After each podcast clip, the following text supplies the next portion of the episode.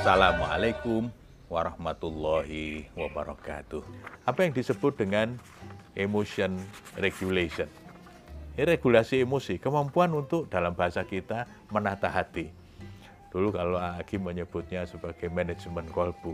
Jadi rupanya yang bisa ditata itu tidak cuma uang, tidak cuma barang, tapi emosi juga bisa ditata. Apa yang bisa dilakukan untuk menata hati? Jadi self regulation itu kemampuan untuk mengelola dunia dalam ya inner life dari kita ini menjadi pribadi yang efektif meskipun berada di bawah tekanan. Jadi kalau orang yang bisa menata hati itu meskipun sebetulnya dia berat tapi tidak nampak di wajahnya. Ekspresinya ya biasa saja. Maka orang kadang ketika melihat orang yang sabar, orang yang sudah stabil, itu kan meskipun mengalami banyak guncangan, banyak persoalan, tapi dia tetap tetap tenang saja. Karena apa? Dia bisa menata hatinya sendiri. Emo, dia gejolak emosinya itu bisa dikelola. Tapi kalau tidak bisa mengelola, maka semua akan kelihatan sekali begitu ada perubahan di dalam hati, nah ekspresinya di luar itu tampak. Nah, maka kemampuan yang pertama yang penting itu adalah kemampuan untuk menata hati. Nah, orang dengan resiliensi tinggi itu dapat mempergunakan seperangkat keterampilan psikologisnya itu untuk mengendalikan perasaan, perhatian, perilaku dalam situasi yang sesulit apa pun. Dia bisa bisa kontrol.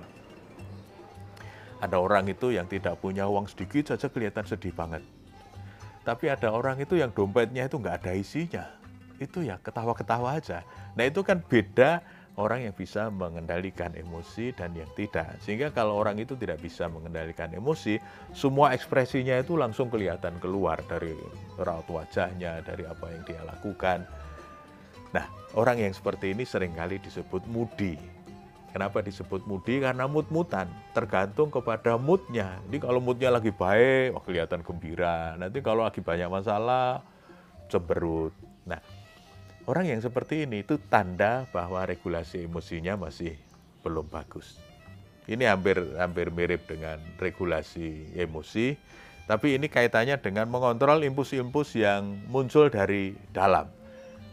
Jadi impuls kontrol itu merupakan kemampuan mengatur pikiran, ya, ekspresi pikiran, ya, dorongan perasaan, termasuk kesanggupan. Nah, ini yang penting untuk menunda gratifikasi demi kepentingan yang lebih besar ke depan. Jadi dia bisa menahan karena dia merasa misalnya begini, kalau ini saya lepas, ini beresiko. Misalnya dia marah dengan atasannya. Orang yang impuls kontrolnya bagus, marahnya itu tidak dia lampiaskan, tapi dia tahan, dia pendam. Nah, ini yang orang yang sabar kan begitu, dia bisa mengendalikan diri, dia bisa menahan. Karena dia tahu persis kalau ini saya lampiaskan, karena yang akan saya marahi ini adalah atasan saya, saya bisa dipecat. Maka dia bisa menunda kesenangannya untuk mengekspresikan perasaan. Itu untuk sesuatu yang lebih besar. Jadi dia bisa mengendalikan diri karena ada tujuan yang lebih baik. Misalnya kita mau ujian, terus ada teman ngajak minum-minum atau makan-makan, atau ada acara yang tidak terlalu penting. Kalau orang yang impuls kontrolnya bagus meskipun diajak teman dan itu menyenangkan tapi karena ini mau ujian saya harus mempersiapkan diri. Dia bisa tahan. Mohon maaf nih saya lagi nyiapin ujian. Makan makanya besok aja. Nah tapi kalau orang yang nggak bisa ngontrol itu pasti ikut. Diajak ke sana ikut diajak ke sini ikut karena dia tidak bisa mengendalikan impulsnya dengan baik. Nah lalu Orang yang resilience itu biasanya bisa tetap objektif ketika melihat persoalan yang sedang dihadapi. Dia tahu persis, oh ini yang salah saya sebetulnya. Atau, oh ini bukan salah saya, tapi salah teman. Tapi juga tidak sepenuhnya dia, karena saya juga punya andil. Nah, semuanya itu dia bisa analisis dengan objektif. Nah, karena dia bisa analisis dengan objektif, maka dia lebih mudah untuk menerima situasi. Oh iya ya, karena memang Kenapa saya dapat nilai yang kurang bagus ya maklum karena saya belajarnya juga kurang kurang sungguh-sungguh. Maka kalau kemudian hasilnya kurang optimal ya ya harus saya terima. Misalnya begitu, bukan menyalahkan oh dosennya pilih kasih, oh dosennya tidak fair dan lain sebagainya. Nah, maka yang ketiga ini menjadi penting ketika kita melihat apa pun, usahakan menganalisisnya secara objektif berdasarkan fakta, berdasarkan data-data yang tersedia, supaya kesimpulan kita tidak salah. Nah, kesimpulan yang salah itu kadang justru akan menambah beban masalah, karena tambah masalah baru. Itu yang tadi yang ketiga yang kita sebut dengan istilah causal analysis.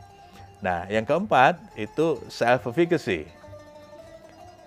Nah, istilah ini kan sebetulnya menunjukkan pada keyakinan, pada kemampuan diri sendiri untuk menghadapi dan memecahkan eh, masalah dengan efektif. Nah, efikasi diri ini juga menunjuk pada kemampuan untuk yakin bahwa dia bisa menyelesaikan, dia bisa berhasil dalam melakukan tugas-tugas tertentu dalam dalam kehidupan. Nah, individu dengan efikasi diri yang tinggi itu memiliki komitmen untuk terus berusaha memecahkan masalah yang sedang dihadapi, tidak gampang menyerah, terus berupaya untuk memperbaiki keadaan. Jadi, orang yang punya keyakinan seperti ini luar biasa. Dia akan terus terus terus berusaha meskipun dia sebetulnya sekarang sedang mengalami masalah yang cukup berat. Tapi tidak apa-apa, dia yakin bahwa Eh, di depan masih ada banyak peluang. Dan dia yakin inna ma'al ausri yusro atau di ayat yang lain inna ba'dal ausri yusro jadi bersama dengan kesulitan itu pasti akan ada hikmahnya ada kemudahan yang akan bisa kita nikmati. Atau di ayat yang lain tadi bukan bersama bukan ma'a tetapi ba'da. Kalau ba'da berarti agak jauh itu hikmahnya itu agak agak jauh. Jadi kadang begini, kita ini kan tahu hikmahnya itu setelah sekian lama. Nah itu yang disebut ba'dal ausri yusro. Jadi setelah kita mengalami kesulitan, kemudian kita bisa merasakan adanya kemudahan. Pemirsa, harapan adalah dorongan semangat yang menjadikan pemiliknya tidak pernah kehabisan energi memperjuangkannya. Assalamualaikum warahmatullahi wabarakatuh.